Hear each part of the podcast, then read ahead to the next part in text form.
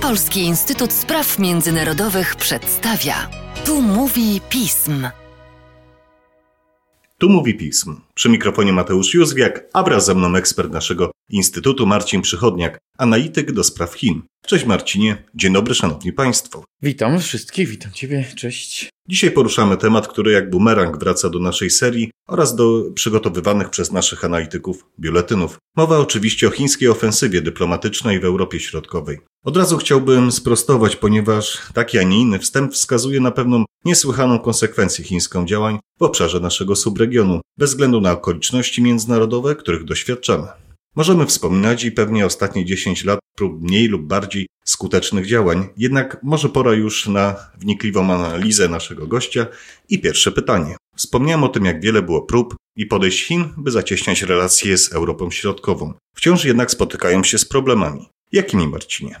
Tych problemów jest sporo, ale chciałem też powiedzieć, że pretekstem do tego naszego spotkania jest, e, jest wojna, oczywiście, ale e, tak, e, generalnie to są konsekwencje tej wojny i właśnie ten element konsekwencji i tego, co z niej wynika, z wojny, z agresji rosyjskiej na Ukrainę i co wynika z tego dla relacji Chin z Europą Środkową, bo to jest bardzo ciekawe, istotne i, i ta zmiana to jest jeden z wielu elementów, która ta agresja rosyjska przyniosła. Ona się jeszcze nie skończyła, oczywiście nie wiemy, jak się zakończy i nie wiem, co dalej się wydarzy, ale do tego momentu, o którym wiemy, ten element chiński jest tu jednym z, z ciekawych elementów zmiany no bo tych problemów zawsze było sporo, tak jak powiedziałeś. Nigdy zresztą region ten cały, jakkolwiek go opisując, on oczywiście jest bardzo zróżnicowany i wiele państw w niego wchodzi, ale generalnie nigdy to nie był priorytet w polityce chińskiej. Zawsze to był jakiś tam dodatek do, do głównego obiektu zainteresowań, czyli Unii Europejskiej. Część z tych państw Europy Środkowej oczywiście to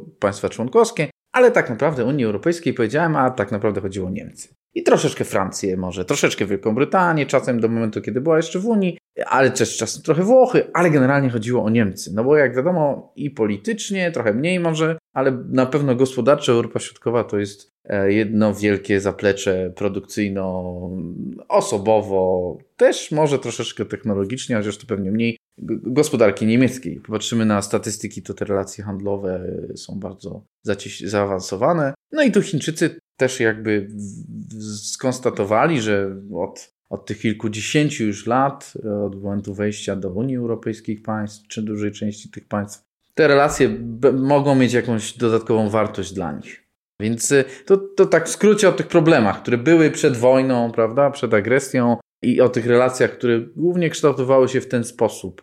Platforma 16 plus 1, która dla Chińczyków była jakimś tam instrumentem, który miał troszeczkę zarządzać tymi relacjami Chin z Europą bo to oczywiście wiele państw, więc zgodnie z chińską tradycją, tradycją w cudzysłowie to mówię, ale praktyką bardziej ułatwiania sobie prowadzenia polityki zagranicznej, no jakoś tam trzeba było to zorganizować te państwa, żeby już nie tak z każdym osobna, tylko na jakiejś platformie, która miała na początku być jakimś elementem też przyciągającym chińskie inwestycje do regionu. Suma summarum nic z tego za bardzo nie wyszło, w zależności od partnera oczywiście, ale generalnie tych efektów gospodarczych praktycznie nie było. Polityczne też były dość znikome z punktu widzenia zwłaszcza państw tego regionu, więc nie, nie było za bardzo za co chwycić, że tak powiem. A też, co ważne, Chińczycy sporo zainwestowali politycznie w ten, ten, ten region i, i format jako taki, w sensie wizerunkowym też dla władz. To pamiętajmy, że szczyty 16 plus 1, które się odbywały do, do, do w zeszłym roku był ostatni wirtualny,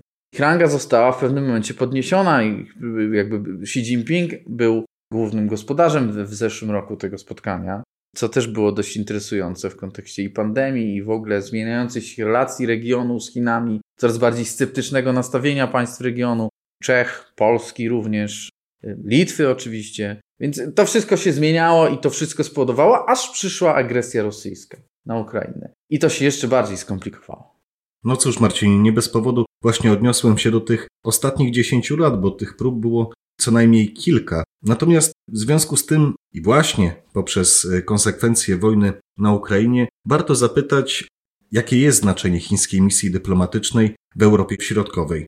Miesiąc temu mniej więcej, e, trochę mniej nawet niż więcej, w Europie Środkowej właśnie i troszkę w południowej, to wspomnę o tym jednym zdaniem, bo może więcej trochę niż jednym, ale nie, nie, nie w większości, że tak powiem, nie, nie skupię się na tym, ale były dwie delegacje chińskie, na których czele obu stanęli, byli chińscy dyplomaci, w zasadzie dyplomatki, tak naprawdę, bo to były dwie kobiety, no, które, których celem tych delegacji i tych, tych, tych przewodniczących było jakby wybadanie sytuacji w Europie Środkowej. Tak? Chińczycy mniej więcej wiedzieli, że to nastawienie, jakkolwiek było jeszcze przed agresją, było niekorzystne, to tak po agresji stało się jeszcze bardziej sceptyczne wobec Chińczyków. Tak? Wynikało, co, co jakby sposób dość, dość, dość oczywisty wynikało z tego, jakiego wsparcia Chińczycy Rosji udzielili i jak jest Rosja postrzegana w tym regionie jako główne zagrożenie tak? przez większość państw. Może zostawmy Węgry na boku na razie, ale przez większość państw jest tak postrzegana w tym regionie. No i chińskie wsparcie połączone z e, dość taką wręcz odtwórczą propagandą chińską, powtarzaniem rosyjskiej dezinformacji na różne tematy dotyczące broni biologicznej na Ukrainie, dotyczące amerykańskich wpływów, które spowodowały zagrożenie dla Rosji, i generalnie uzasadniania rosyjskiej agresji, tak? to dla państw Europy Środkowej no, jest czymś kuriozalnym, prawda? Nawet jeśli przyjąć jakby i, i, zastanawiać się nad odmiennością chińskiego patrzenia na świat i jakby i też nie, nie wychodzić z pozycji europocentrycznych, no to tak czy siak to są po prostu manipulacje i rzeczy, które nie mają miejsca, tak? To, co Chińczycy powtarzają za Rosjanami. Więc to nawet nie jest kwestia różnicy opinii, tylko po prostu zwykłej dezinformacji. A, a dodatkowo jeszcze, no, to dotyczyło NATO, tak? NATO, które w sytuacji, kiedy, może nie wreszcie, to złe słowo, ale kiedy okazuje się, że to poczucie zagrożenia, które od wielu lat istniało w regionie wobec rosyjskich aspiracji, znajduje swoje potwierdzenie y, w sposób dość tragiczny dla Ukraińców, tak? A, a, a, ale w sposób jakby otwarty Rosja atakuje Ukrainę, łamiąc prawo międzynarodowe i tak dalej, i tak dalej. Chińczycy twierdzą, że to wina NATO, prawda? Kiedy to NATO nagle jest, stało się tym namacalnym, dotychczas było tak, też w pewnym sensie namacalnym, ale jednak nikt nie powiedział sprawdzam. W tej chwili możliwość, że ktoś, czyli Rosja powie sprawdzam wobec NATO jest dużo bardziej prawdopodobna dla regionu. Tak? Więc, e, a Chińczycy twierdzą, że to NATO zdestabilizowało sytuację na Ukrainie, a co, co więcej, jeszcze jest odpowiedzialny cały proces rozszerzenia NATO. Jest odpowiedzialny za to narastające poczucie zagrożenia Rosji i konieczność odpowiedzi przez nią. Czego, co oglądamy na Ukrainie. Więc no to wszystko spowodowało, że te dwie delegacje przyjechały do Europy Środkowej, żeby wybadać sytuację i poznać jakby, i też żeby wytłumaczyć, w cudzysłowie to ujmuję troszeczkę, państwom e, Europy Środkowej nastawienie Chin wobec rosyjskiej agresji i, i, to, i te wszystkie kwestie, o których przed chwilą powiedziałem. Wspomniałem o jednej delegacji, która odwiedziła Grecję i Albanię, tak? to jest Europa Południowa, ale dużo istotniejsza, czy może z naszego punktu widzenia, była ta, która odwiedziła Europę Środkową. Tam była pani, była ambasador w Czechach na jej czele stała, pani Hoi Jen, która to, no rzeczywiście to była dość długa wyprawa, bo to zdaje się, to było osiem państw, w tym Łotwa, Polska, Czechy, Słowacja między innymi, więc e, szerokie spektrum i też szeroki sposób odbioru. To też ciekawe. No właśnie, czym różnił się ten odbiór? Jakie główne e, argumenty tam padały? Z jednej strony to była typowa chińska retoryka dotycząca wojny na Ukrainie, czyli odsunięcie jakiegokolwiek chińskiego zaangażowania, w tym sensie tezy o chińskiej pomocy dla Rosji, o tym, czy nie tylko nawet pomocy w sensie gospodarczym czy materialnym, ale też i politycznym, wsparcia. Delegacja chińska starała się wykazać i przedstawić, że dla Chin to, co się dzieje na Ukrainie, jest również dużym problemem. Z różnych powodów, tak? gospodarczych, żywnościowych. Więc y, w ten sposób próbowano tę e, sytuację wyjaśnić. Tak? E, z drugiej strony, oczywiście, tłumacząc również, nie unikając w kwestii bezpieczeństwa NATO i też tej destabilizacji z tym związanej, tej gry, gry mocarstw, że tak powiem, jakbym to nazwał na Ukrainie, jak Chińczycy to często przedstawiają. Znaczy, Ukraina znowu stała się jakimś podmiotem, który znajdował się pomiędzy Stanami Zjednoczonymi a Rosją, padła ofiarą, tak? Nie rosyjską, to, to oczywiście nie, nie, ale tutaj właśnie. Prowokacji. Takiej, tak, pewnej niezamierzony przez siebie sposób, e, jakby stała się, uległa amerykańskiej naciskom, poszła w stronę Zachodu, no co oczywiście wywoła, musiało oznaczać rosyjską odpowiedź, bo zagrażało interesom rosyjskim. Tak? Ja parafrazuję oczywiście, nie, to nie są cytaty, natomiast no, to mniej więcej taka jest tego retoryka. I to było bardzo wyważone. Tak? To jest, to, te komunikaty były bardzo wyważone, też oczywiście w zależności od tego pewnie one były zróżnicowane, w którym w zależności od państwa, ale generalny przekaz był taki, bardzo na miękki, nie, niekonfrontacyjny, tak? Unikano też raczej tych kwestii i tez związanych właśnie z z tym, co dla państw środkowej, Europy Środkowej najważniejsze, e, czyli bezpieczeństwa, gwarancji bezpieczeństwa ze strony NATO, prawda? To, to ten temat jakoś był, nie pojawiał się za bardzo, tak? Pojawiał się pośrednio. Więc tak to wyglądało. Oczywiście różny był poziom, że tak powiem, przyjęcia delegacji, w zależności od państwa, tak?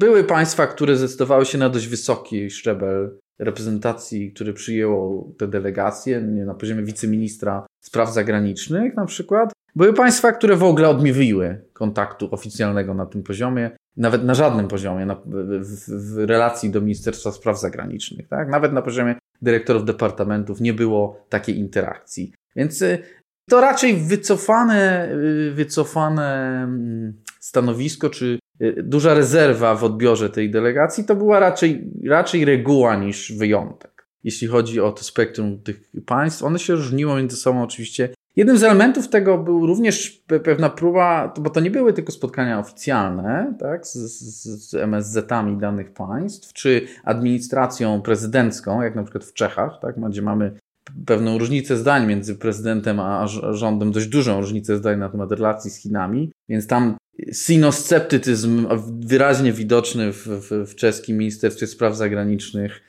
też jakby stwierdzenie właśnie, które Czesi wprost zakomunikowali, mówiąc o o tym, że, no, że jakby ta retoryka chińska powoduje, że, relacje chińsko-unijne na przykład no są jeszcze, są praktycznie niemożliwe w tej chwili do, do kontynuacji, tak? do wzmocnienia, do rozwoju. Tak? E, więc to, to czeski MSZ, oczywiście prezydent czeski ma, miał trochę inne zdanie na ten temat. Więc tego typu próby wykorzystywania, może wykorzystywania to za duże słowa, ale jakby od, oddziaływania na różne grupy polityczne w danych państwach też e, były, można było zaobserwować. Zresztą Y, czyli nawet nie tylko polityczne, bo to były również spotkania z y, różnymi ośrodkami analitycznymi, czasem też odwoływane nagle w ostatniej chwili, prawda? Więc no była pewna próba jakby inspirowania pewnych środowisk retoryką chińską, czy też jakby odmowy kontaktu ze środowiskami, które i tak Chińczycy uznali, że nie da się ich przekonać do tego, co oni chcą powiedzieć, więc może lepiej się z nimi nie spotykać. Tak mniej więcej ta, ta, ta delegacja wyglądała w Europie Środkowej wówczas. Czy ona odniosła jakiś skutek? Nie wydaje mi się, to, to też chyba nie był cel chiński. Oni, jakkolwiek ich poziom wiedzy na temat sytuacji w Europie Środkowej, czy w ogóle w Unii Europejskiej może być, może być dyskusyjny, może moglibyśmy o tym dyskutować, na ile ona jest e, e, bogata i na ile odpowiada rzeczywistości, ale chyba nie, nie, ich celem nie było to, żeby się do końca dowiedzieć Pewnie trochę tak, ale, ale to chyba nie był główny cel. No, główny cel był taki, żeby jakby, żeby, żeby ponownie przyjechać i pokazać tak, swoje stanowisko, przedstawić face to face, twarzą w twarz, w komunikacji bezpośredniej. Tak? Nie tylko oświadczeniami oficjalnymi, ale, ale także w takiej komunikacji bezpośredniej, żeby móc to też potem jakby po, światu pokazać, tak, że Chińczycy y, przyjechali i nie unikają kontaktów, ale prezentują nadal w zasadzie tę samą retorykę co wcześniej. W związku z tym rodzi się pytanie ostatnie, ale bardzo ważne. Jaka przyszłość stoi przed inicjatywą 16 plus 1? Nie rysuje się ona w zbyt jasnych, jaskrawych barwach. Nie, tutaj ewidentnie pasuje hasło, stare, dobre punkowe hasło No Future, która to. No i 16 plus 1 to ja to zawsze powtarzam, ale tu jestem trochę ekstremistą. To jest moim zdaniem wydmuszka od wielu już, no powiem to lat. Ale wydmuszka sztucznie podtrzymywana, bo też Chińczycy nie będą jej jakby anulować, tak? No nie, nie, nie ma sensu anulować czegoś, co w jakimś sensie przynosi jakiś polityczny efekt w tej chwili w wymiarze z kilkoma partnerami, a z drugiej strony no jest też pewnym, no byłoby pewnym przyznaniem się do porażki. No to jest w chińskiej specyfice i rzeczywistości nie, niemożliwe, tak? Więc od wielu lat 16 plus 1 jest jakimś elementem, ono podlega e, ewolucji, Chińczycy zmieniali swoje nastawienie, ale jakoś tam próbowali przynajmniej przedstawiać to w różny sposób dla różnych partnerów. Jak się już zorientowali, że to, co włożyli w ten 116, wtedy jeszcze 17, bo Litwa, pamiętajmy, po odejściu Litwy e, jest to 16, to, co włożyli razem, to jakby nie do końca do siebie pasuje czasami, tak? Że ten klucz no, był taki słaby merytorycznie wyboru tych państw, jakieś dziedzictwo komunistyczne i tak dalej, i tak dalej. Więc jak już się zorientowali, no to próbowali to różnicować, co innego mówić, proponować państwom Unii Europejskiej, co innego innym e, państwom, które też były częścią siedemnastki, ale nie były, aspirowały dopiero do, do państw członkowskich Unii, więc to, to się zmieniało, ale efektów tak naprawdę nie było tych wielostronnych, jeśli mówimy o jakimś realnym wymiarze wielostronnym tej inicjatywy, nie było praktycznie żadnych. No, tu się zaraz pojawiają się głosy często, jak różnych innych ekspertów od Chin, które mówią, no ale zaraz, zaraz, no ale przecież były wymiany, spotkania think tanków, prawda, konferencje ekspertów, były występy zespołów ludowych, prawda, były kulturalne wystawy i tak dalej. Okej, okay, może tak, ale moim zdaniem to jest za mało, żeby mówić o jakimś realnym wymiarze wielostronnym. Gospodarczo na pewno tego nie było. Jest ten jeden koronny przykład, który pojawia się cały czas, bo on oczywiście do dzisiaj nie powstał, czyli kolej Budapeszt-Belgrad. Budowana, budowana, muszę to oddać, powstaje, ale już wiele lat. I jeszcze nie, jakby też nie bez wielu kontrowersji, zwłaszcza po stronie węgierskiej. Ale co dalej? Bo się zagadałem o historii, a co dalej? No, istnieją informacje, że Chińczycy próbowali, bo w tym roku mamy rocznicę powstania, 2012-2022, dziesiąta rocznica, wypadałoby ją jakoś uczcić z udziałem Xi Jinpinga i pokazać po raz kolejny, że ta współpraca jest, rozwija się, jest super.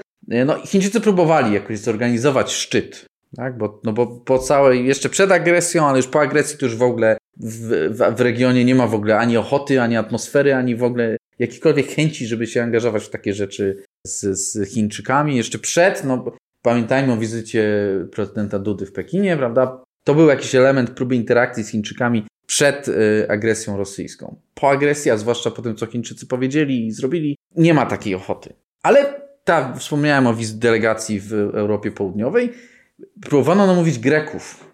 E, zaproponowano to, tak, tak, tak chyba było, nie mam tutaj pewności, ale tak powiem, plotki głoszą, iż Grecji zaproponowano, żeby ugościła Ateny, żeby ugościły y, y, szczyt 16 plus 1 w tym roku, a Grecy odmówili. Więc y, to też pokazuje jakieś próby. Myślę, że w tym roku nie będzie takiego szczytu.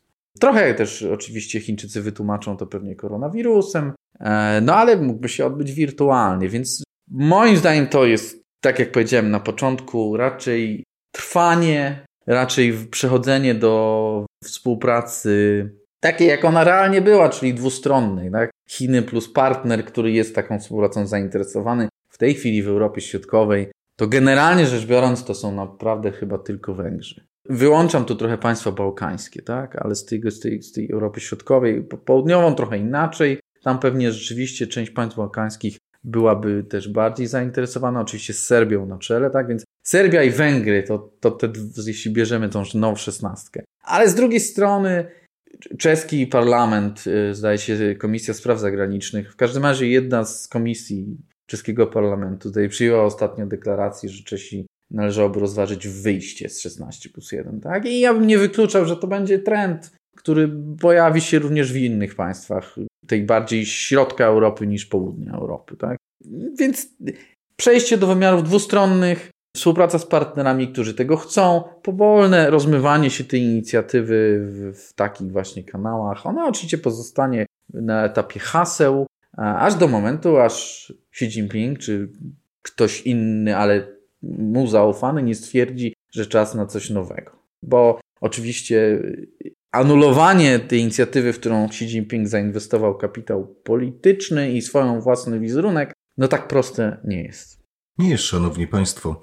A o tym, jaka przyszłość lub jej brak czeka chińską ofensywę w Europie Środkowej, przyjdzie nam jeszcze porozmawiać z Marcinem. Tymczasem dziękuję Ci za dzisiejszy podcast. Dyplomatyczną ofensywę, bo Dyplomatyczną, słowo tak, ma tak, też tak. wojskowy i tego byśmy nie chcieli. Absolutnie takiej ofensywy nie bierzemy pod uwagę. Jeszcze raz dziękuję Marcinie za Dzięki. dzisiejszy podcast, a Państwa zaś zachęcam do śledzenia naszej strony internetowej, czytania najnowszych biuletynów i komentarzy, śledzenia naszych mediów społecznościowych, także naszego kanału na YouTubie. Z mojej strony to wszystko. Dziękuję Państwu za uwagę i do usłyszenia.